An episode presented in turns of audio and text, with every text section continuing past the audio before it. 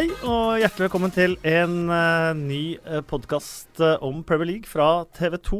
det er nummer tre i rekka, og denne gangen så har vi fått med oss Ja, nå har det blitt som vanlig, Simen. Ja. Simen Stavse Møller. Husgata. Og så har vi fått med oss en som har vært rundt og opplevd mer fotballkultur på ti dager enn de fleste gjør i løpet av tre år. Helene Olafsen. Ja, hei. Takk for at jeg fikk komme. Ja, Det var veldig hyggelig at du kunne. Hva er det du driver med, Kasper? vi skal lære om uh, fotballkultur rundt om på øya deg, vi. Å oh, ja, ok. Mm. Ja, men det kan i hvert fall videreformidle det jeg har opplevd selv. Ja, så skal ja. vi høre gode historier. Og så skal vi selvfølgelig prate om uh, runden som uh, har vært. Noen nøkkelord der er jo Manchester United, som har sin beste sesongstart i den øverste divisjonen siden før første verdenskrig. Uh, Wayne Rooney, Huddersfield, uh, Tottenham. Og så har du valgt deg Crystal Palace. Vi må prate litt om dem òg, syns du ikke det? Jo, vi kan gjerne snakke om Crystal Palace, men uh, jeg har selvinnsikt nok til å liksom, overføre de der fotballfaglige spørsmålene til dere to. Ja, ja, det skal vi også klare, skal vi ikke det? Jo. jo. Det bør gå. Det bør gå. Hvis ikke du driter deg ut. Ja, det, kommer, det, det, kommer fort til å skje. Uh, og så skal vi selvfølgelig prate litt om den runden som kommer. Og i tillegg skal vi jo dele ut, som vi pleier, rundens uh, kaktus og blomsterbukett. Og kanskje vi finner en uh, litt skjult helt fra den runden som har vært. men det er altså sånn at Helene Olafsen X Games-medaljør i snowboard. Verdensmester er du også. Ja, ikke regjerende, da, men har vært det. Du har vært verdensmester. Det er mer enn de aller fleste kan uh, si om livet sitt. Ja. Uh, men du har vært rundt om i England for å finne deg en uh, klubb. Klubbjakten har vi kalt det. Mm. Besøkt på et eller annet vis samtlige 20 klubber. Ja. og funnet deg et favorittlag til, til slutt. Ja, det har vært en eh, Jeg visste jo egentlig ikke helt hva jeg ble med på. Eh, bakgrunnen var rett og slett at jeg har en eh, kjæreste da, som holder med Tottenham. Og det, det, er fotball på hele tiden, og det er, det er så mye liksom. Det opptar så mye av hverdagen, da. så jeg fant ut at jeg måtte bare gå, dra over og finne ut hva det handla om. Så. Hva handla det om, da? Hva, hva møtte du rundt? Jeg møtte overraskende mye vennlighet. Jeg ble tatt imot, og folk Altså, jeg var veldig bekymra for dette her. er 27 år, liksom. Det er, det er kanskje ikke helt real, liksom. Men uh, folk syntes det var helt topp, og det var aldri for sent å bli med i familien. Og vi fikk liksom uh, bli invitert med på pub, bli invitert med hjem, bli invitert med på alt mulig rart. Uh, jeg fikk liksom følelsen av at alle ville ha meg med inn i sin familie. For det er liksom det jeg føler at mm. i størst grad handler om. da. At man er sammen om både laget og det rundt. da. Og så var det veldig interessant, Nå husker jeg ikke hvem du hadde den samtalen her med, men eh, hvor på slutten, hvor dere har prata lenge, sier at eh, man sier at sjela er tatt av eh, pengene og kommersen, men det, det er den ikke. Mm. Eh, og det opplevde du på mange måter der borte med mange av de menneskene du møtte? Ja, for det har jo vært sånn at folk kan skrive inn til meg da, og si at jeg, hvem jeg burde møte, komme med tips. Eh, og så er det veldig mange som har skrevet til deg du burde dra det er Premier League, liksom. Du må finne deg lag nedover i divisjonene. Eh, for det er bare kjøpt og betalt. Og det er klart, det handler jo om penger, men liksom den lidenskapen og alt det som skjer rundt, eh, det, det, er, det, er, ikke det inntrykket jeg har i det hele tatt. Altså. Det er eh, veldig menneskelig. Det så veldig menneskelig ut. Jeg vet ikke om du så den episoden, eh, Simen, da du drakk med disse Swansea-supporterne. Uffa meg, altså. Har jeg ikke sett, men jeg, jeg er klar for en recap. ja, det var fuktig. Vi måtte jo Vi rakk jo ikke å dra til Swansea, eh, men vi var jo i Southampton, eh, og der fant vi noen, noen Swansea-fans, da. Og de var jo ikke for de skulle spille mot Southampton dagen etter? De skulle spille mot Southampton dagen etter. Og da var det Det var sjøslag, det, altså. Det var ikke noe filmtriks, det skal jeg bare bekrefte. Men det er noe av den ekteheten da, ja. som man faktisk er på jakt etter i, i, i, England. Ja, det var det. Og det var også der, altså. Bare de sang og hoia og tjåka hele kvelden. Jeg skjønte jo fint lite av det de egentlig sa, da, men det var uh, jovialt og hyggelig. Og vondt dagen etterpå.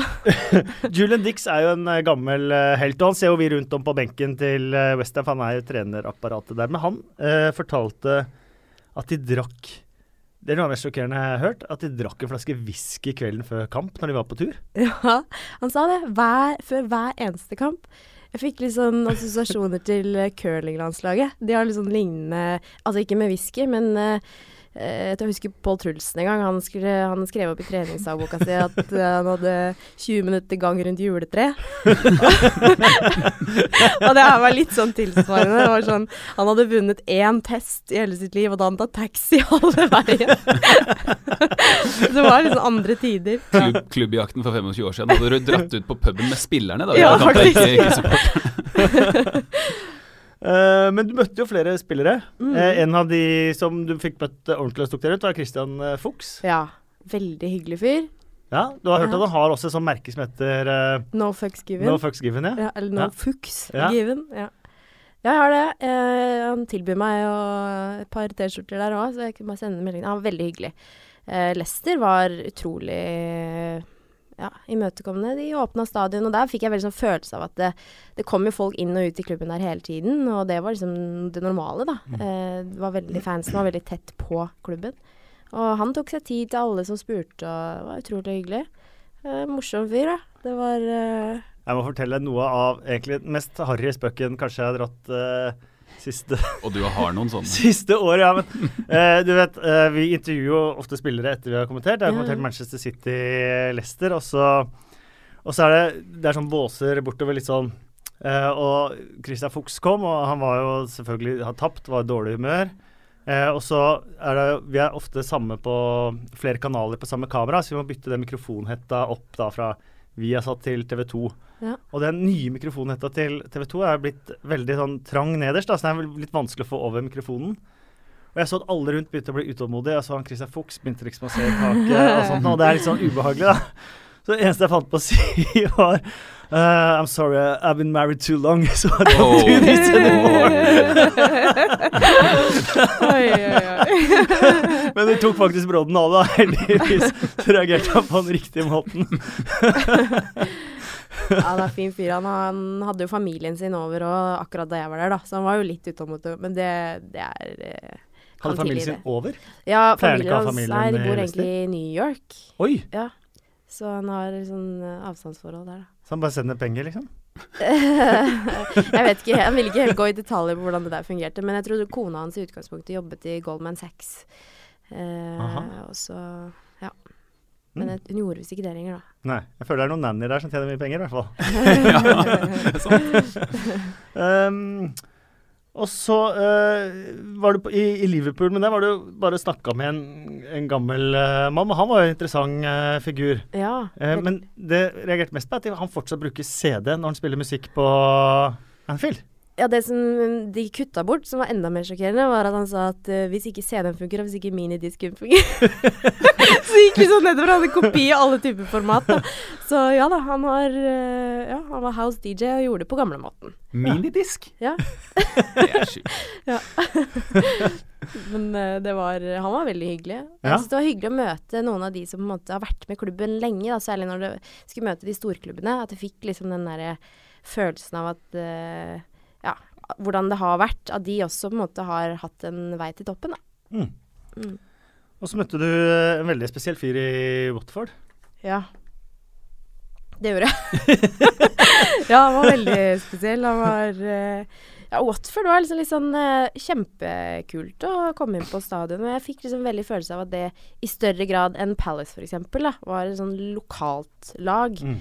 Eh, og de var noe sånn eh, Det var en guttegjeng liksom, som dro på kamp, og, men det var eh, innmari kult. Og det, jeg hadde liksom det er veldig stor forskjell da, på de små klubbene og de små stadionene til de store. Det er eh, fascinerende at det er samme liga, egentlig. Mm.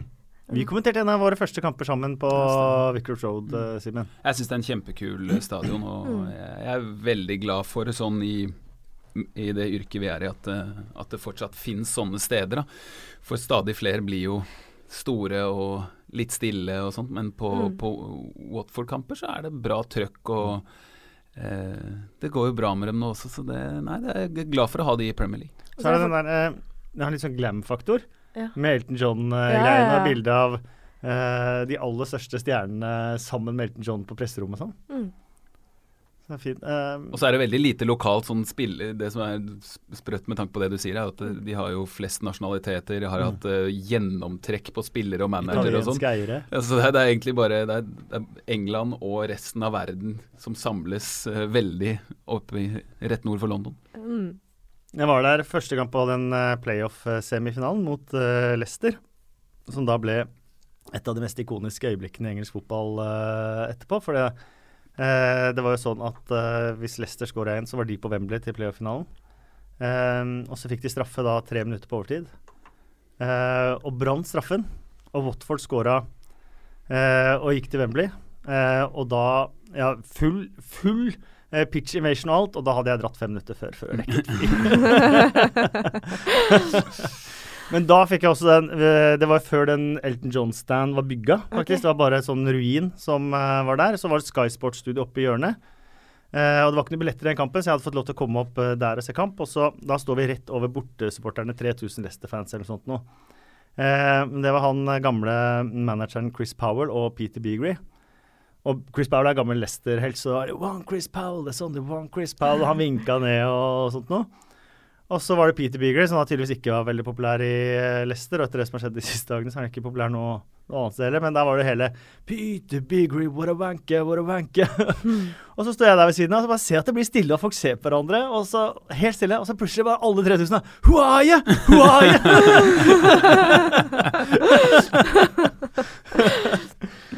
uh, til slutt, uh, Huddersfield. Ja. Er bildet oppe i stua? Uh, Det lovte du. Ja. Nei, det, men det er på gangen. Der, ja. Eh, og det sa jeg faktisk også på skjermen. Eh, hva som blir klippet og ikke, det er ikke opp til meg. men eh, nei, jeg, det er i leiligheten i hvert fall. Men jeg har ikke rukket å gjøre så veldig mye etter at jeg kom hjem. Det er altså bilde av stadion, eh, John Smiths uh, stadion. Ja. Eh, og det var en utrolig sjarmerende stadion, da. Mm. Det var jo merkelig, altså, for det var som å komme inn i et sånt kommunehus. Eh, Og så var, fikk jeg liksom tilgang, fikk gå helt alene liksom, rundt på stadion der og titte meg rundt. Og ingenting var klart da, til første kamp. det var liksom, Alle mann var i arbeid, og det var eh, Men hyggelig, hyggelig, veldig sånn skog rundt der. Og fikk veldig sånn følelse av at det var sånn familievennlig klubb. Du har jo vært litt rundt nå i Premier League du også, Simen. Um, hvor liker du best å kommentere? Det er jo et vanskelig spørsmål. For jeg, man liker jo steder, og så liker man stadioner, og ofte så går ikke det sånn veldig Det er ikke sånn at nødvendigvis der hvor det er fine stadion, så vil man være så mye rundt stadion, da, men når man kommer dit Og det, det er gjerne sånn f.eks. Tottenham, da, hvor det er ekstremt kult å være og kommentere, men rundt akkurat i det området så er det litt sånn så som så. Da. Det er ikke så pent der. og det, det, er, det er veldig artig å gå liksom med supporterne til stadion, og da kjenner man at dette her er skikkelig ekte. Men etter hvert, vi blir jo gjerne igjen en time og sånn, men når man går fra Tottenham, så er det ikke, så er det ikke like fett. Men um, et, et sted som jeg har blitt fascinert av, er Bournemouth. Um, og det tror jeg bare er fordi det er så urealistisk at det skal være en Premier League-klubb. Uh, så fint sted. Gå rundt eh, Jeg har vært der på sommerstid, da, sånn rundt nå. eh, og da er det liksom gå rundt med slippers og shorts ned, tar en tusletur langs stranda, tar en is, og så klokka tre liksom, så er jeg oppe og, opp og kommenterer fotballkamp. Jeg må innrømme at det Jeg er, jeg er mm, Hva skal jeg si, jeg er mer eh, strandmenneske enn bymenneske, egentlig. Så akkurat Bournemouth er, eh, er jeg veldig, blitt veldig glad i. Jeg håper de nå får skuta på rett kjøl, og det tror jeg også, men det, der trives jeg. Eh, Helene ellers- og jeg var jo på stranda i, i Brighton. Vi hadde Ja, den har ikke jeg vært på. Vakreste sommerdagen Ja, hele sommer, Ja, sommer, det var helt nydelig. Det er, Everton også må jeg nevne. Everton Mm. på, på Goodison Park. Der er, det, der er det så god stemning når det er, eh, når det er bra. Så, så syns jeg det er ganske ålreit ellers òg. Det, det faller aldri helt ned, syns jeg. Ja. Som det gjør enkelte steder som jeg ikke trenger å nevne. Og så, Du endte jo på Crystal Palace. Ja. Um, og snakka litt med Simen før vi gikk inn her. Bra det, der også. Ja, det sykeste er jo at du valgte Crystal Palace uten å ha vært på match der. ja, jeg vet det. Men jeg har jo For det Altså- er jo Chris Bass sin største forse. Ja, eh, jeg har jo liksom fått tilsendt en god del ting. Jeg har sett mye og eh, Men det endte opp med at det rett og slett bare gikk på magefølelse. Det var eh, Møtte Mark Bright der, og det var eh, Jeg følte meg liksom hjemme, da. Det var eh, Føltes genuint.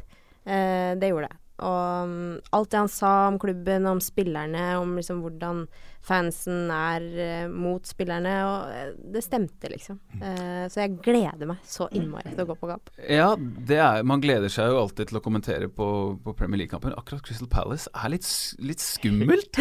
For der man går opp et sånt Opp på et sånt det, det, Vi henger Først må du opp en stige. Opp en stige, Ja. en sånn smal stige, og så går du, må du liksom passe på hodet ditt, for man går opp et Under kaller det for et stillas, liksom. En sånn, akkurat som at, eh, at en, der hvor man bygger på en bygning i en by, så henger det liksom Det er en sånn stillashengebru rett under stadion. Så jeg tenkte, hvis det skjer noe her, Brenner det der, så er det bare å ta fram telefonen og så ringe hjem og Ja. si uh, takk for nå. Veldig bra, Eh, veldig veldig- bra plasser, men skummelt. Og det deilige der, eh, har du vært der på vinteren? Fordi Ja. at du har et flomlys i ryggen.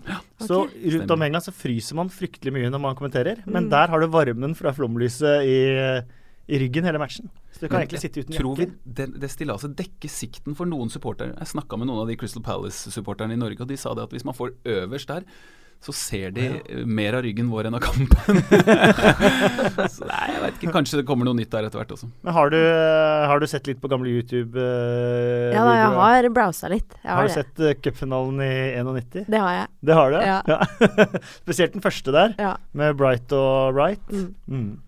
Har jeg på VHS hjemme, tror jeg fortsatt. men På VHS? Ja, men nå er det på YouTube, da. Hele matchen, faktisk. Ja, jeg har ikke sett hele. Det har jeg ikke. Men Det er, eh, men det er en av de legendariske, og det er vel egentlig den som starta sir Alex Ferguson. Er han på ordentlig i Manchester United da? Første trofé han tok? tror jeg. Da var ikke jeg gammel. Nei. Jeg tror eh, Det var ikke du heller. Nei, Men jeg var, jeg var jo kanskje et par år eller sånn. Nei, jeg. Det var jo sånn at uh, i tredje runde der så holdt de på å bli slått ut av Nottingham Forest. Og hadde de blitt slått ut der, så hadde sannsynligvis Sir Alex fått sparken. Reddet av Mark Robins uh, matchvinnermål. Og endte i FA-cupseier og endte i Mhm. 100 ligatitler og alt mulig annet. Og apropos Manchester United, uh, Simen. Beste ligastart Ja. siden Var det 07-08 jeg så? Sist gang de hadde vunnet de to første med fire mål? Med fire mål i begge. Mhm. Og da er det på 19.07.08, eller? Ja. ja, faktisk. Det er sant. Det er litt vesentlig. Eh, ja, nei, men det har jo vært veldig imponerende. Jeg syns i, i, store deler av den, eh, den kampen nå sist, så, så var det helt på det jevne. Eh, ikke noe uh, verken veldig bra eller veldig dårlig. Men man ser jo at det bor så utrolig mye i de spillerne på det laget. Og det skulle bare mangle at det løsner nå, tenker jeg. fordi det var en sesong i fjor hvor, eh, hvor de stanga veldig mye. og eh, Jeg skal ikke si at det var kjedelig å se på dem, men det var mange kamper hvor det var sånn Det var kjedelig å se men- på dem ja, i men- mange kamper. Jo, jo, men jeg tenkte, det var så ofte at jeg tenkte Så gode spillere, og så få til så lite, og by så lite på seg sjæl. Eh, men nå virker det som at det er bare en sånn diger eh, hva skal jeg si, epidemi av sjøltillit som eh, det, er, det er nesten litt too much, kan man tenke. At det, er sånn, det virker som at alt bare har klikka. Og så skal det vel også nevnes da at de har spilt mot to lag som hvor det ene har skuffa meg i Westham, og, og det andre faktisk ga det en kamp, men de er ikke bedre, tror jeg, enn at eh, når alt stemmer for Manchester United, så blir sifrene stygge. Eh, Lukaku kom til i gang, Mkhitaryan kom til i gang, Alle har kommet i gang, Kasper. Martial Alle har kommet i gang. Ja, Rashford. Jo, men han var så, han, den første kampen han hadde den bidraget til Lukaku sitt mål der, han, han var ikke så god nå, men det er én kamp hvor han var Men det er morsomt å si. Jeg syns Mourinho ser mye mer avslappa ut. Mye mer sånn, ikke nødvendigvis på benken, og sånt, men intervjuer og alt. Når han kan dra på smilebåndet og si 'jeg kunne stengt kampen på 1-0', men det var ikke noe vits. Jeg bare lot hestene løpe. Må huske på, han har, han har vært gjennom en ganske vanskelig periode. Ikke bare at han, eh, at han fikk den plutselige sjokksesongen med Chelsea, og så var eh, liksom hele verden raste der. Uh, og, og så skal han ta over et, et ganske vanskelig prosjekt, som egentlig Manchester United var da, og for så vidt også er. Og så har han hatt sitt å stri med på, på privaten også, med, med far sin som gikk bort. og og familien som ikke flytta med han til London. Jeg tror det er en del sånne ting som Når du har et såpass tydelig kroppsspråk og en sånn aura som Mourinho har, eh, så syns det veldig godt i motgang. Og nå så syns det veldig godt når han har vind i seilene. Jeg syns det er deilig å se den gamle Mourinho tilbake. Eh, men så var det sånn at de vant de første kampene forrige sesong eh, også. Det er jo Men da var han jo sur! Ja, altså, det er nå, nå det. ser man at han alltid har smilet på lur. Mm. At han er litt sånn Han har den derre deilige arrogansen i stedet for den derre eh, Bare at han er, virka nesten litt eh, bitter fortsatt i fjor. Mm. Men nå, nå Dette vil han jo. Mm. I fjor så så det ikke ut som han ville, men nå, nå vil han jo. Og den Leicester-kampen eh, til helga eh, Var det 4-1 det ble forrige sesong? Ja, da var det de bedre han hadde? Ja, oh, men da scora de så mye på cornere, Ja. så det var litt sånn flatterende. Men det kan bli åpen match. Man ser jo noen Mm. de matchene med Leicester i år. De blir, eh, har en tendens til å bli åpne. Og de har, eh, de har sk- Skåringen kan komme fra, fra nesten alle på Leicester. Mm. Det syns jeg er moro med det laget. At nå er de jo Så har de de innkastene til eh, bestekompisen til eh, Helene også. Christian Fuchs som kaster eh, 60 meter inn i feltet, og så sender de opp Maguire, og så har de Vardy som Det var vel ikke alvorlig, tror jeg. Jeg tror han er Ja, tilbake. det- Om han ikke det. spiller i Ja. midtuka, så spiller han til helga. Uh, nei, det er mange målskårere der. Uh, Manchester United er favoritter, men veit aldri med Leicester. Er Fox fortsatt på fantasyen, eller er det Du, eh, Fuchs er på fantasyen. Eh, jeg ba han skjerpe seg. Og Ja, han så eh, plukka seks poeng der, så det var fint, det. Det er godt også for alle som har Fox på, på Fantasy, at han har fått eh, streng beskjed. Uh, så hadde vi en eh, fantastisk match på mandag. Manchester City eh, henta 1-1 mot eh, Everton eh, med ti mann. Uh, men det er jo ett navn som skiller seg ut. Åh, Åh, det er feil navn. Wayne Rooney. Å, nå trodde jeg du var på dommeren. oh, ja, det, ja, ja, det er to-tre navn som skiller seg, men det er ett navn som virkelig står i gullskrift, da, hvis jeg skal ja. Eh, formulere meg litt eh, annerledes. For en vanvittig start han har hatt på Everton. Ja, og apropos mennesker som virker som at de plutselig vil. Der er eh, fotlenken av. Altså det, Mm. det er en fyr som sprudler, og han, han spiller jo i en, eh, i en rolle hvor han egentlig kan gjøre litt, litt som han vil, i hvert fall. Man får ikke gjøre som han vil, men han har en, en ganske fri rolle offensivt. Men han var jo den som løp mest, plutselig. Sånn så man jo ikke i de forrige sesongene fra Wayne Rooney. Man skal jo det fins jo ikke noe sånn likhetstegn mellom å løpe mye og være god, men eh, det er jo et tegn på at han, at han er eh, interessert. Da. Mm. Og ikke bare det touchene sitter. Det gjorde de i første kamp også. Touchene sitter. Smart spiller, altså leser så godt. Se på de to innløpene han har til de målene hans. Hvor lenge han venter. Det er øvingsbildet for, for unge spillere som vil skåre mål. Altså hvordan man timer et innløp inn i feltet. For det er så mange som bare beiner inn, og så, å, så kom ikke innlegget, og så slår de ut med hendene. I stedet så ser han å, når kan dette innlegget komme? Ah, perfekt der, og så setter han. Og ikke nok med det, eh, han timer det også sånn at eh, det ser ut som motstanders forsvar er fullstendig søvngjengere, alle, alle sammen, for ingen oppdager at den kommer. Det er fotballintelligens, bare rett og slett. Og det, det er ikke sånn som man kan lære seg. Det, det kommer nok litt mer med åra, men Wayne Rooney har alltid hatt det, syns jeg. Det der at han veit hvor ballen skal lande. Smart spiller, og jeg syns det er så kult å se han eh, Veldig, i, i. Everton-drakt og skåre mål og juble og ja, det, det er ekte, ekte vare, dette her. Altså, det, er, det er den Wayne Rooney vi liker. Jeg får jo nesten ingen twittermeldinger heller når han eh, gjør det bra. Etter min dom mot uh, Wayne Rooney da signeringen eh, var Mm. et eh, faktum. Jeg er fortsatt skeptisk. Eh, det er for tidlig, å, Man skal- man skal tidlig å felle en dom. Man skal være skeptisk til det meste etter, etter starten her nå. Det er, i, I fjor så delte vi vel omtrent ut trofeet til Manchester City, og, og, og Chelsea stikk motsatt, hvor de sleit i mange kamper og, og plutselig begynte å tape. Ja. eh, man, man skal ikke konkludere ennå, men eh, tegnene er der for at Mm. det kan bli en god sesong for han i hvert fall. fordi vi var jo innom at eh, dette her kunne bare gå helt til helvete, liksom. Mm. Du var i Liverpool og du har besøkt en uh, Traff en Everton-fan. Det var jeg. Speedomir. ja, jeg syns ikke du kan klage så mye på at du fryser, Vikstad. Fordi han der, han uh, tar en for laget, altså. Bokstavelig talt. Han, uh, ja. Han går rundt i speedo. han går rundt i speedo og samler inn uh, Everton Speedo, vel å merke, og samler inn penger til veldedig formål. Og så er han litt sånn brobygger, egentlig. Eh, både i byen og Alle vet hvem han er, kjenner seg han. Alle kommer bort, syns det er eh, 90% syns det er helt topp. Eh, både borte- og hjemmefans og Ja, han eh, Herlig fyr. Han har fortalt at han eh, egentlig har vært eh, hjemløs. Eh, var det for noen år tilbake. Og så svømte han den engelske kanalen. Eh, og så fant han ut bare at han skulle gjøre noe positivt med livet sitt, så nå har han dedikert eh, livet sitt til å spre glede. så det var en fantastisk fyr. Det så ut som han gjorde det i gatene i Liverpool òg. Ja, ja, han gjorde Mm.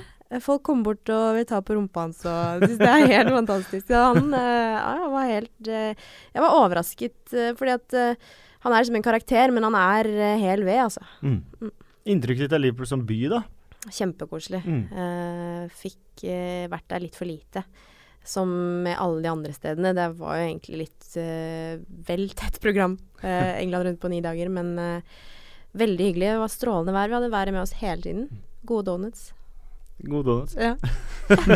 Ja, men Liverpool var jo en belasta by. Eh, men Liverpool har blitt en fantastisk fin by òg. Virkelig. De fikk et kjempeløft etter at de var vel noen sånn kulturhovedstad Mm. i Europa sammen med Stavanger, tror jeg, i 2008 eller et eller annet sånt. Og da rusta de opp byen og fikk den nye bydelen Liverpool One der, så du har eh, både det eh, gamle ekte nede ved dokken og, og rundt stadion og sånn, og så har man faktisk en, eh, en by som det er sikkert mange eh, Liverpool-fans som eh, Jeg vet ikke hvor mange som er glad for det, da, men som kan ta med, ta med damene dit. Og det er liksom både noe for Det er noe for hele familien. Da. Eh, Jeg syns jo Jeg syns jo de Altså, Liverpool er litt London i miniatyr, på en måte. Har blitt det. Det var ikke det før, men det har blitt det nå. Så det er, eh, det er, det er, det er et bra sted både for å se fotball og leve. Så har vi motstanderen, Manchester City. Um, mye som eh, lugga der. Var i ferd med å skåre 1-0 da Everton tok uh, ledelsen. Uh, ti mann. Eh, skal vi aller først ta prestasjonen til eh, Manchester City, for den andre gangen var enorm. Ja, den var det. Og det var nok ikke et spørsmål om, eh, om at motstanderne bare la seg med svansen i været og, og, og lot dem få holde på. Fordi de, de lot ikke Everton få ha ballen nesten i det hele tatt. Og det skal mye Etter en kamp som dette her, og etter en start som dette her, så sk skal vi skryte en del av Everton, så klart. Men eh, at de har fått med seg fire poeng fra disse to kampene her, det, det tror jeg de skal være veldig veldig fornøyd med. For Manchester City har, eh, de har så mange gode spillere, de har et, eh, en kjempegod manager. Alt er satt i system, og så, og så virker det som at eh, Jeg syns det er litt for stor forskjell på eh, fotballintelligensen fra spiller til spiller, da, og kvalitet fra spiller til spiller. Hadde, hadde alle, eller hadde flere hatt på en måte evnene til å skjønne fotball som De Bruyne, Silva eh, med flere. Altså Stirling er så heldig at han scorer det målet der. Det er sånn Den tenker jeg at nesten alle kan score på, bare du svinger og prøver på den måten her. Han treffer bare, liksom. Og han hadde et innhopp som jeg var, nesten, jeg var nesten sjokkert Ja, over også. hvor mye bare- rart han gjorde. De valgene han tar. Bare tenk hvor genial David Silva er. Og så Mm. spiller han på lag med Raheem Sterling. Det må være vanskelig Ja, det må være vanskelig å liksom vite hva kommer han til å gjøre nå. Eh, og det tror jeg også kan bli et stort problem. Jeg synes han, eh, Sané også, råprodukt som bare rakkeren. Men når det kommer til løse situasjoner, eh, rett og slett det som sitter mellom huet, så virker det som at de har mye å gå på. Så jeg syns ikke det er Det er ikke det er ikke en kjempekamp av hele Manchester City, men de har så eh, De som er gode og de som er smarte, gjør at Everton ikke får låne ballen. David Silva har vært banens beste i to er kamper så god han er. Er Det er- helt ja, magisk spiller å se på. Og jeg syns Bernardo Silva som kommer inn på også Han slet også litt med, litt med hvordan de andre spiller. Ja. Det er ikke så rart, for han er ny der. Men ja. det han viser Og så er han jo, det har vi snakka om før òg, vanvittig Eller han er den ideelle Pep Guardiola-spilleren. da. Ja, det Eh, er I gjenvinninger, Så- mm. i uh, aggressivitet, uh, god med ball når man har vunnet den igjen. Ja, absolutt. Og, og fortsatt så er det jo sånn at han eh, Gabriel Jesus ikke har fått det helt til. Har hatt litt uflaks og jo ofra der i pausen. Uh, selv om jeg syns at han er, eh, også på samme måte som du sier, en ideell Guardiola-spiller som er god både med og uten ballen. Og det her huggespresset som de trenger etterpå for å vinne tilbake, det funka kjempebra i går. Everton var ikke med på det, liksom. Så har vi Tottenham på Wembley, da. Én seier, én uavgjort og syv tap. Åtte tap på de siste kampene de har spilt på Wembley. Mange av dem mot Chelsea. Ja, uheldigvis for dem, da. Ja. For apropos struktur, så gjorde jo Chelsea det der eh, ganske prikkfritt. Altså det, det skal godt gjøres å nøytralisere et så gode spillere som Tottenham har, såpass.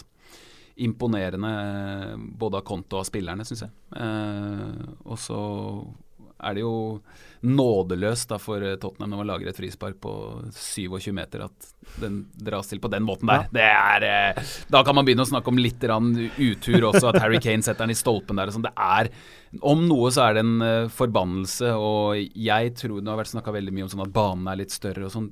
Jeg tenker at i den kampen der så må det være en for fordel for Tottenham at banen er større, fordi da har de større flater å spille fotball i. Så den de trenger er egentlig tidligere Peterborough-formann Barry Fry? Fortell. Utdyp. Peterbro var jo i samme greie som uh, Tottenham. De vant jo ikke på hjemmebane og sleit, så han tok rett og slett da for å oppheve den forbannelsen og eh, tok turen ut på matta, pissa på hvert hjørneflagg og fikk opphevet forbannelsen på den måten. Ja, Det høres ut som en god plan, Kasper. Trenger noe voodoo eller noe sånt. Ja. Mye overtro. Altså. Men du har møtt både Pochettino og Conte på din uh, tur. Det har jeg faktisk. Mm -hmm. ja. Hva slags inntrykk fikk du? Um, nei, altså Først og fremst uh, veldig overrasket over at de hadde lyst til å møte meg. Uh, uh, om de hadde lyst, eller om de måtte, det vet jeg ikke egentlig. Men det var Altså, Pochettino, for å snakke om han, så var det Altså, maken til mann. ja, virkelig, altså. han han ble helt sånn varm av å snakke, snakke, for han er så engasjert, og han tror sånn på prosjektet sitt, og det er liksom Dette her Han går inn med hele seg, da. Og det er så mye liksom hjerte i det. Eh, og det Altså, ja. Jeg var eh, Tottenham er en god nummer to, da, for å si det sånn. Men, og det han snakket om at han aldri måtte glemme at han var den fem ja. år gamle gutten på det bildet du viste han. Ja. Uh, ja, jeg hadde jo fått et bilde, da, uh, som jeg viste til han, og da ja, han uh, sa det at liksom, Nå er han manager i Tottenham, men han glemte aldri det bildet. Han glemte aldri at han var den lille gutten på landsbygda i Argentina, fattig, med en drøm, da. Mm, som han nå lever. Mm. Men uh, ja, nei, han uh, gjorde inntrykk, altså. For en mann. ja. Jeg så et intervju med han i en av tablidene nå, også før kampen mot Chelsea, at han var romkompis med Diego Maradona. Mm i New Year's Old Boys. Mm. Eh, men det siste jeg så til han, var eh, at Maradona skulle på hesteveddeløp, tror jeg det var. Eh, sa ha det bra. Og leste i avisa dagen etter at han har skutt noen journalister i et, et helt annet sted. Men han snakket også om den fantastiske statusen som Maradona har og kommer til å ha for alle mm. argentinere, uansett hva som skjedde utafor banen. Og jeg tror Pochettino eh, Jeg, jeg bare håper at han er Tottenham-manager i mange år. Mm. Jeg mm. har omtrent de samme opplevelsene han. Jeg har møtt han jeg har møtt han to ganger, for jeg møtte han én gang da jeg intervjua han. Eh, eh, og hadde sånn sit-down-intervju hvor alle managerne kommer litt for seint, og det er litt sånn pliktløp for dem, da. Men han kom for tidlig, og virka mm. som at han sa ja, men vi trenger fem minutter til her. For det var liksom så hyggelig, og vi prata litt om gamle dager og litt om nå.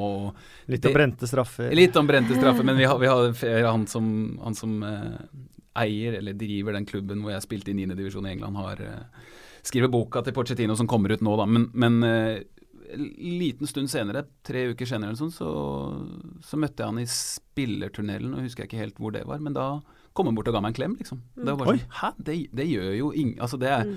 så langt unna mm. noe noen gjør, da. Mm. Uh, men det er kanskje også de to managerne som jeg beundrer mest i mm. Premier League, er Conte og Pochettino, av veldig forskjellige grunner, egentlig. Men det som er felles for dem, da, det er at de er arbeidsnarkomane. De er veldig dedikert, som du sier. De står opp klokka seks om morgenen, så drar de på treningsfeltet, og så skal de finne ut av hvordan de skal gjøre jobben sin på best mulig måte. Mm. Uh, og det smitter så på omgivelsene og Nei, uh, jeg tror nok de to lagene der, de er med helt i toppen i denne sesongen, også.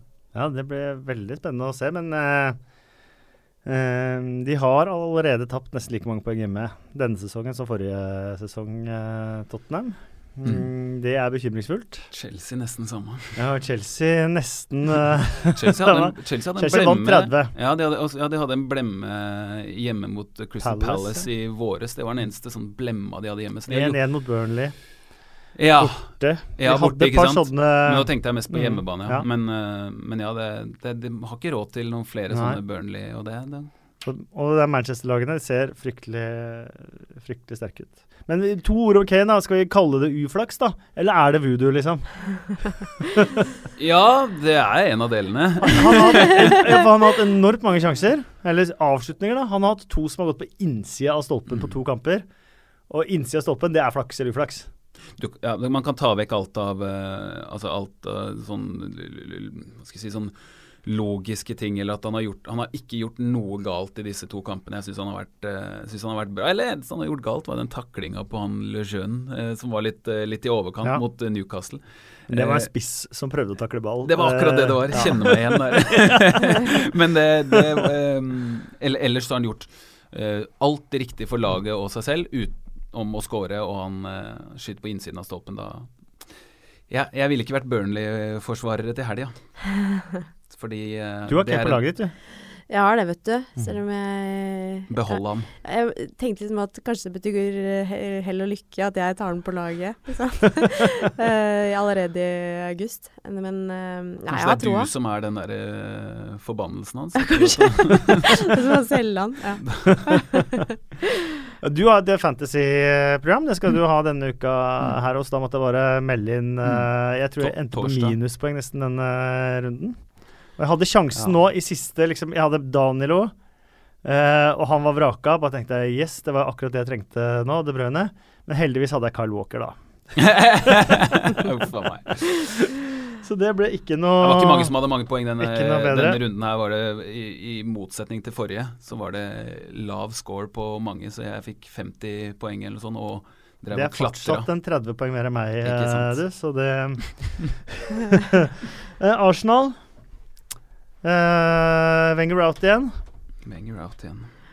Uff. Nei, men det, det er jo det samme, samme gamle greiene, men de fortjente poeng, i hvert fall. Ja, det gjorde de. Altså, det må jo være så ærlig å si. Uh, og så er det jo igjen det at man ikke skal lese for mye av de første kampene. Men det syns jeg er viktig, at man ikke skal lese for mye av nye ting. Eh, men man kan lese en god del av det som er gjentagende synder. Da. Og jeg syns Arsenal jeg, jeg kan på ingen måte forstå at eh, Nacho Monreal skal være en av de tre. Eh, altså, den, den, den i midten av de tre bak. Jeg, jeg, han, det er naivt for meg uansett hva man sier. Altså, eh, Mustafi er med. Eh, eh, sett han i midten, ha en som, som vet hvordan man skal løse de oppgavene der. Eh, tar ut Lacassette, som er som er den beste spissen eh, når man trenger mål, og setter inn på Theo Walcott. Jeg forstår ikke hvordan Theo Walcott fortsatt kan være i Arsenal. Nummer én og nummer to får spilletid, og nummer tre får spilletid når man trenger mål! Å ta ut Lacassette! Jeg forstår det ikke. Det er, det er hinsides meg. Jeg blir irritert av å se på det. Eh, jeg forstår ikke at en som er så klok og så fotballfaglig sterk som Arsène Wenger, fortsatt har stoler på Theo Walcott. Jeg kan, jeg kan ikke skjønne det. Jeg forstår det ikke. Det var dagens ord. Nei, men det, det, la det være det. Men det var eh, det, Jeg syns ikke det henger på greip. Nei, men det, er, det det det du får med Wenger også, da. Eh, hver eneste sesong, et bra lag, relativt bred stall, eh, kan feie alle lag av banen, eh, levere resultater og driter seg ut mot, i kamper de skal vinne, med jevne mellomrom gjennom hele sesongen.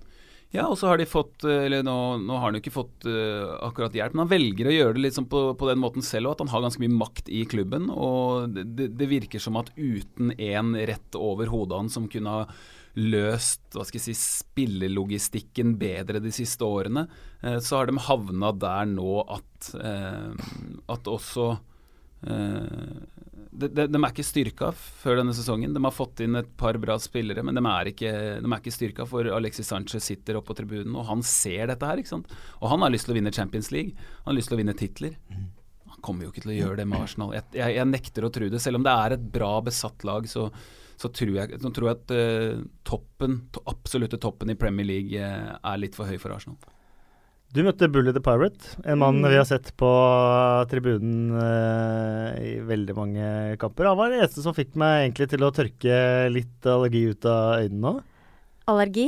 Ja, fikk meg til å bli litt, ja. litt rørt, da. Ja.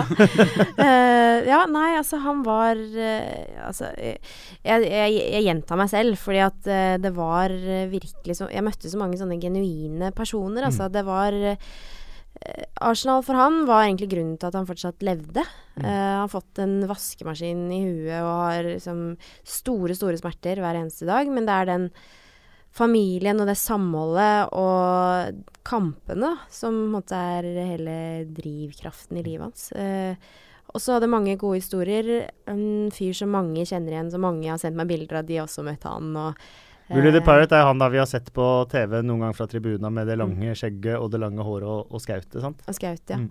Eh, så han mente at det skautet var rett og slett fordi at pga. at han mista den, eller den vaskemaskinen og datt ned i hodet. da, At han måtte ha press på det. Det var ikke så mm. veldig stramt, så jeg vet ikke helt. Men uh, samme kan det være. Han er i hvert fall en hyggelig fyr, og tok med meg mange gode råd fra han. Altså. Mm. Han er også, eh, om ikke fast, så i hvert fall ganske jevnlig på Arsenal Fan TV, mm. eh, som ja. eh, folk syns eh, litt eh, så som så om. Men eh, det som er greia med Arsenal Fan-TV, er jo nettopp det du sier, at du får høre stemmen til de mm. som faktisk har Arsenal som det viktigste i livet sitt. Mm. mm. Og da blir det ofte mye følelser, på godt og vondt. Jeg har lyst til å ta med det jeg syns var den rareste uttalelsen i helga. David Wagner, etter å ha vunnet Huddersfield sin første hjemmekamp i Premier League, da, sa It was special. It was the club's first Premier League game at home in the history. And the club is over 100 years old. Uh, jeg får på en måte, Det er greit å si at å, det var den første hjemmekampen i Premier League, for Premier League starta jo 1992. Så det er på en måte Det er en helt grei uttalelse. Men da kan ikke ta med klubben over 100 år. For klubben har ikke bare vært i den øverste divisjonen før, de har vunnet ligaen tre ganger. Men du, du vet at da han Var det 2015 han kom til klubben? Ja. Han er en fotballmann, øh, skulle jeg tro. Han men, har jo liksom vært Men han, han, hadde aldri hørt om klubben Huddersfield. Han, han, han, hadde aldri hørt navnet før, han visste ikke hva det var for noe. Så jeg, jeg tror at siden uh, han har kommet hit, så har han kanskje hatt, uh, vært litt for opptatt av seg sjæl og sitt. Ja, men, tro, men, men, tror du at det kan være at han ikke vet at de har vært på øvelsesjon før? Nei, det tror jeg ikke. Jeg tror det bare uh, Nei, jeg veit ikke. Det er, det er en veldig det, merkelig uttalelse å komme med det herre And the club is over 100 years old. Og dette er det første, liksom. Sikkert vært på Wikipedia, da. det er det første som kommer opp. uh, nei, for jeg, også, jeg, er jo en av de som syns at det er uh, meningsløst at vi har starta en ny tidsregning fra 92. Ja, mm. det syns jeg. Mm. Uh, fordi at engelsk fotball er det mest tradisjonsrike vi har. Og det er jo fotballens vugge, og de har hatt seriespill siden 1888. Så jeg syns det er veldig rart å bare skulle Nei, nå starter vi historien på nytt i 1992. Det er litt sånn som at ok, nå starter vi VM-historien i 1990, da, og så driter vi i Pelé og Gerd Müller og alle sammen. Det blir litt det samme. Uh, men samtidig, jeg har lært meg å leve med de som sier å, det er første eller Premier League-rekord, eller det er første hjemmekamp i Premier League. Jeg har lært meg å leve med, med de som sier det, uten liksom å kaste TV-en ut av vinduet. Men det er derfor jeg syns når han legger til det herre And the club is 100 years old, det er der jeg ikke klarer å få hodet rundt det. og han har virkelig sånn lagt vekt på liksom lokalsamfunnet og klubben, og liksom lagt vekt på liksom de tingene der. Så man får jo tro at han vet at de faktisk er én av tolv klubber i Premier League i dag som faktisk har vunnet ligaen før. Kanskje han lurer på hva de der stjernene er for noe? Hva, hva, hva, hva, jeg trodde du bare måtte vinne Champions League for å ha sånne stjerner. Nei, Kasper, det går, nok, det går nok bra, dette her, skjønner du. Ja, det går bra, men det var så merkelig. så første gang i hvert fall på 45 år. De er i øverste divisjon igjen. Der er vi. Ja. Uh, du, det glemte vi å si om Arsenal òg. Jack Wilshere gjorde et lite comeback i går. Mm. Jeg spilte for U23-laget. Slåss. Både på banen og i spilletunnelen. Han gjorde spillertunnel. Jeg, ja, ja. jeg så klippet fra banen. Han så hissig ut, i hvert fall. Men ja. jeg, Nei, det var en uh, supporter som er filma fra motsatt side. Og da ser du, Idet de to spillerne går inn i spillertunnel, så plutselig ser du voff, og så løper mm. folk til. Jeg kan, jeg kan, si fra da um, Uten å gå sånn veldig i uh, dybden, dessverre, så jeg hadde en lagkompis da jeg spilte i 9. divisjon, apropos i, i England, i Biggleswade United, som som var barndomsvenn eh, og vokste opp med Jack Wilshere. Og han sa det at um, He's stupid, sånn. Han, han, han, han, har alltid gjort dumme ting eh, på og utafor banen. Og han har eh, Det er bare noe sånn bagasje som har vært med han eh, i hele livet, mente han her, da. Og, og sa det at, um, at dessverre så tror jeg ikke at det er håp om at vi får se han i verdenstoppen, hvor han var på vei, da. Han var jo det. Mm. Han hadde jo noen fantastiske kamper og var så utrolig god mot Barcelona. og men eh, nå var han uønska i Bournemouth videre. Hva skal han gjøre i Arsenal? Ho- Holder han på sånn, du ser jo det, det er jo en fyr som ikke er helt i balanse, og som dessverre ikke får lov til å vise oss hva han er god for, da. Kan vi håpe på Newcastle og Rafa? Men jeg tror ikke han er løsningen, eh, løsningen for dem heller. Han, han, hvis du kan ha et solid lag rundt han, så kan han bare få lov til å være seg sjæl. Det hadde vært perfekt. Mm. Men uh, hvor skulle det være? Nei, jeg, jeg, Dessverre så tviler jeg nok på, på framtida til Jack Wilshere. Skal vi dele ut uh, rundens eh, kaktus, uh, folkens?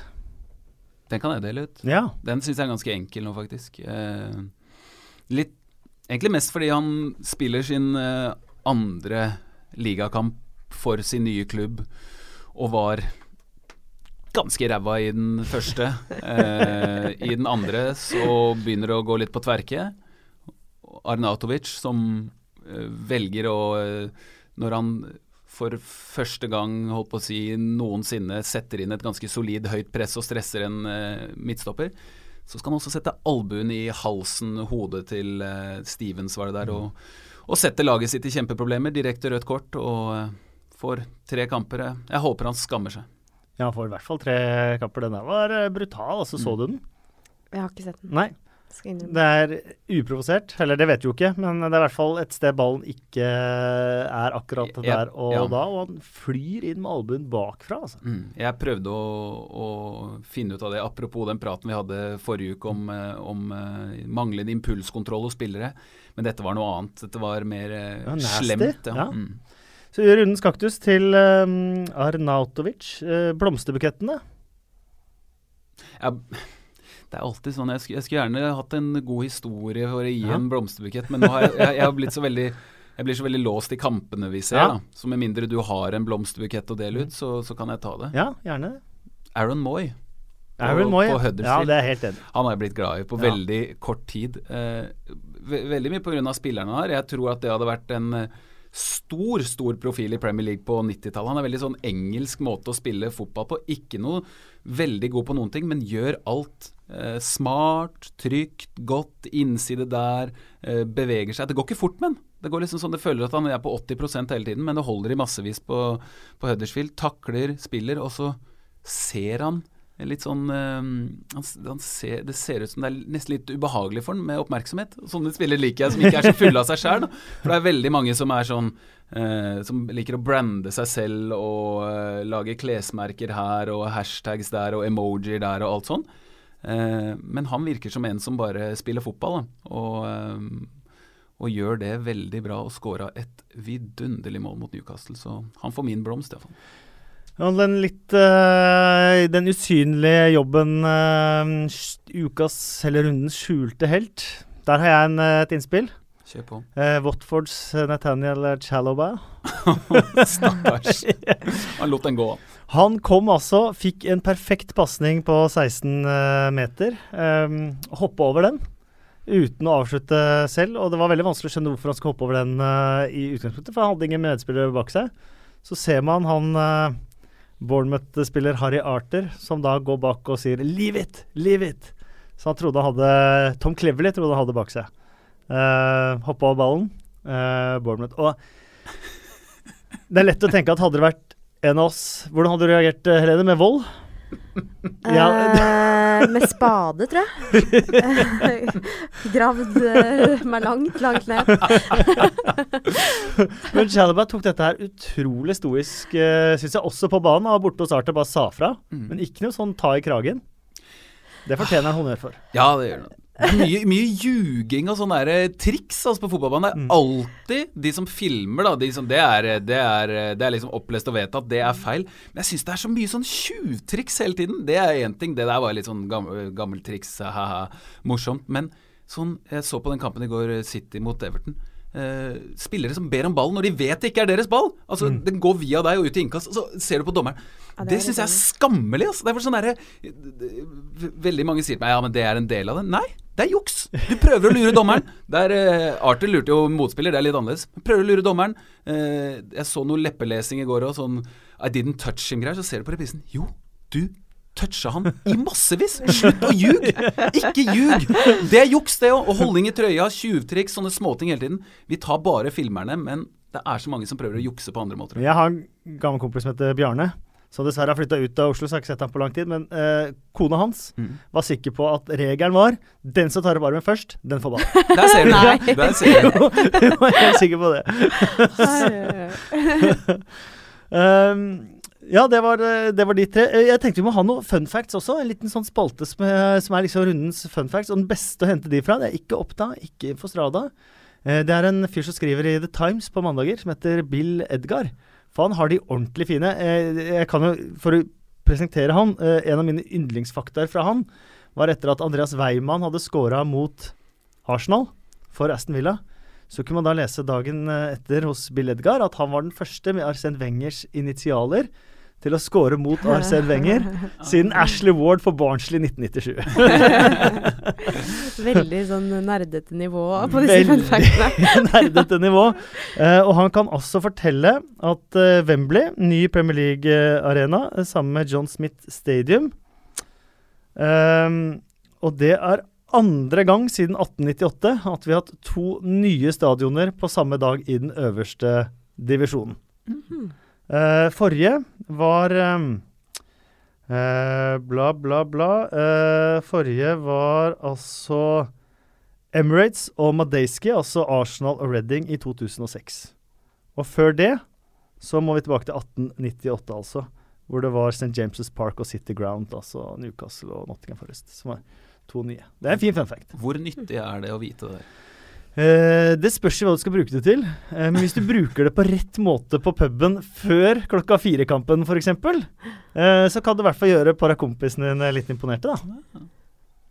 Det er du enig i? Ja, jeg er enig. Ja, Hvis man skal det... finne nytte, men det, det er veldig lite nytte masse disse tingene her. Det er derfor det heter fun fact, for du sitter og ler av dem.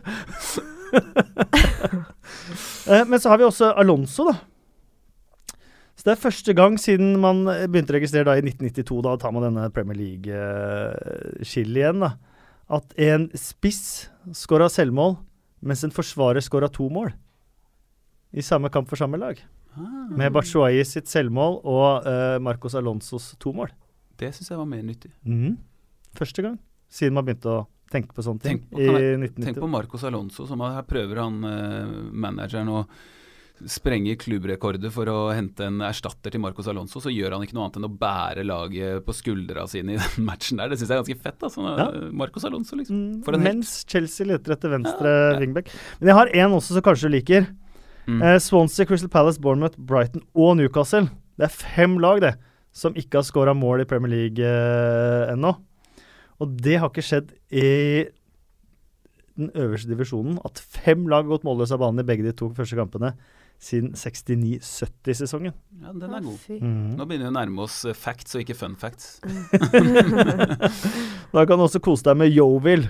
22 mål har vært i deres uh, tre kamper så langt. De tapte jo 2-8 i første kampen, vant 3-2 den andre, tapte 3-4 i den tredje. Og det er mest mål fra åpningstrekamper siden ditt lag, Crystal Palace, i 1960-61. De vant 9-2 den første. 3-2 den andre og 5-1 den tredje. det er en historisk sesong! Ja, nettopp. det var rundens uh, fun facts. Um, vi ler oss i hjel! Skal vi titte litt på den kommende runden, uh, Simen? Ja. Det er jo, starter jo med en kamp som jeg skal kommentere. Jeg gleder meg til den. Bournemouth mot Manchester City. Mm -hmm. eh, mest av alt så gleder jeg meg til den fordi det er to lag som angriper, som spiller eh, offensiv fotball. Og eh, jeg er litt bekymra på vegne av Bournemouth. Jeg må innrømme det. Jeg er ikke så bekymra for Manchester City, men eh, Bournemouth har pleid å ikke åpne bra, men de har pleid å gjøre det bra mot lagene som skal være sånn omtrent like gode. Når de tapt to mot jevnbyrdig motstand, og så nå kommer det noen heftige matcher. Eh, så det skal bli utrolig spennende å se om de klarer å stramme opp. ellers, hva får vi på lørdag? Vi har Crystal Palace, da, i og med at uh, du sitter her, uh, Helene. Mm. De må vinne. Mm. Swansea må vinne. Men det kommer uansett til å bli en fantastisk atmosfære på Sellers Park. Mm. Jeg skal ta første fly over når jeg ryker ut av Skal vi danse. Men frem til det så er det liksom uh, lørdagene og det meste opptatt. Så har vi eh, søndagen. Har jo eh, masse godbiter. Chelsea-Everton, Liverpool-Arsenal. Mm. Den er interessant. Den er kjempeinteressant. Og, øh, og jeg tenker egentlig mest pga. Arsenal nå. Bare hva, jeg husker i forrige sesong hvor øh, Wenger kom hit etter etter alt det der Alexis-trøbbelet så satt han på benken, eh, og det gikk jo ikke veien. Eh, kommer Coutinho til å være frisk i ryggen? Skal han rett inn på laget? Hvordan løser Liverpool hele Kanskje den Sanchez og? Coutinho skal gå til samme Sanchez kanskje samme skal, lege, Kanskje skal bytte klubb. Mm. Nei, ja, men eh, det er en del eh, interessante aspekter, syns jeg, ved, ved begge lag akkurat i den kampen der. Og, og igjen da to lag som ikke er så veldig gode bakover, så det blir sikkert bra TV, det. Da tar vi noen spørsmål fra sosiale medier. Ja, ja. Um, du har fått deg favorittklubb. Eh, ja. Har du fått deg favorittspiller, Helene? Nei, ikke ennå. Altså, Det er mange som sier til meg sånn Nei, du, lidenskap kan ikke påtvinges og sånn. Og jeg sier ikke det liksom. Jeg er ikke blodfan ennå, men jeg har Altså, alle har begynt et sted. Jeg er i begynnelsen. Jeg er uh, interessert. Intrigued er kanskje et bedre ord. Uh, men uh, jeg har ikke fått meg noen favorittspiller helt ennå. Jeg føler jeg må se litt flere kamper eh, fra, en fa fra, fra, et fa fra en fans perspektiv, Ja. var det jeg skulle prøve å si. Holmsdale Road End kan vi jo anbefale, Simen. Der er det Det er ikke noe der, Når det kok, er kok der, så er det kok. Det er jo nesten alltid kokt der. Det er, de synger jo i 90 med fulle. Det er, uh, Det er litt, spes litt spesielt. Jeg tror jeg var på Sellers Park første gang starten på 90-tallet, faktisk. Mm. Da var jo den svingen helt annerledes. Da var det én ståtribune over én etasje uten tak. Og da var Sellers Park kanskje blant de stilleste banene i Mm. England. Helt uh, merkelig. Eh, måten de tar tak der, sånn fra fanutgangspunktet, da, Mm. burde jo mange andre klubber egentlig ta etter. Mm. Eh, Daniel Andersen er en fyr på eh, Twitter, eh, Helene. Han okay. er Tottenham-fan, men Ja. han er mer opptatt av hockey enn fotball. Vet Ja, ja. Så han lurte på når du skulle ta klubbjakten i NHL. Ja, det er jo da oppfølgeren. Nei da. Uh, det har jeg ingen planer om sånn med det første, altså. Sindre på Instagram han lurte på hvilken klubb du ikke, absolutt ikke ville valgt. Uff. uh, vanskelig igjen. Uh, ja, de som har fulgt med på klubbjakten, så jo at Burnley, der var det litt tungt å få eh, tilgang og møte folk. Så, men det er dårlig gjort, da, å dømme de etter så lite som jeg fikk sett og møtt og hilst og i det hele tatt. Men Burnley som stadion og fotballklubb er jo veldig, veldig bra. Eh, Burnley som sted Mm, ja, det var nettopp det jeg fikk Ja. oppleve. Så, så ja. Skal være forsiktig med å kalle noe et høl, men uh, det, er ikke, det er ikke en engelsk perle. Nei, Vi bodde på et sånt gjensøkt hotell. Sånn grønne sånn velur sengese- seng, sengetøy og Nei, det var eh, det, det, Ja, nei. Veldig du- mange prydgjenstander. Tok du toget dit? Eh, nei. Nei. vi Jeg har lagt ut på Instagrammen min uh, sist gang jeg var i Burnley. det. Ja. Det første huset som møter deg når du går av togstasjonen i Burnley, Mm. det er et sånt spøkelseshus det ser ut som ikke har vært rørt på, på 50 år. Ja, Veldig skummelt. vi skulle liksom ut og spise frokost og sånn. Det var umulig å finne et sted. Alt var stengt. Så Burnley fikk uh, sisteplassen til tross for Christian Kalvenes. Ja, eh, beklager den, Kalvenes. ja. Altså, deg liker jeg fortsatt veldig godt. Eh, jeg tror det nesten må være det for denne gangen. Jeg kan jo minne folk om at uh, du kan bruke hashtaggen 2plpod på Twitter og komme med både ris og ros, uh, innspill og spørsmål. Mm. Eh, vi kommer selvfølgelig med en ny podkast neste uke. Og hvis du har muligheten, eh, så hadde det vært fantastisk om du gikk inn på iTunes og ga podkasten en ganske bra rating. Det hadde jeg i hvert fall eh, jeg blitt, Gi den en eh, helt ærlig rating. ja, hvis du syns det var bra, så fyr på. Det blir i hvert fall jeg eh, veldig, eh, veldig glad for. Og så eh, får vi se hva slags gjester vi kan komme opp med neste gang. Det har vært veldig hyggelig å ha deg her, Helene. Tusen takk. Det har vært veldig overraskende hyggelig å være her også. Overraskende, faktisk. og det har vært veldig hyggelig å ha deg her også som vanlig, Simen. Takk skal du ha, Kasper. Og så gleder vi oss til uh, Premier League-helga som, uh, som kommer. Veldig. Takk for nå.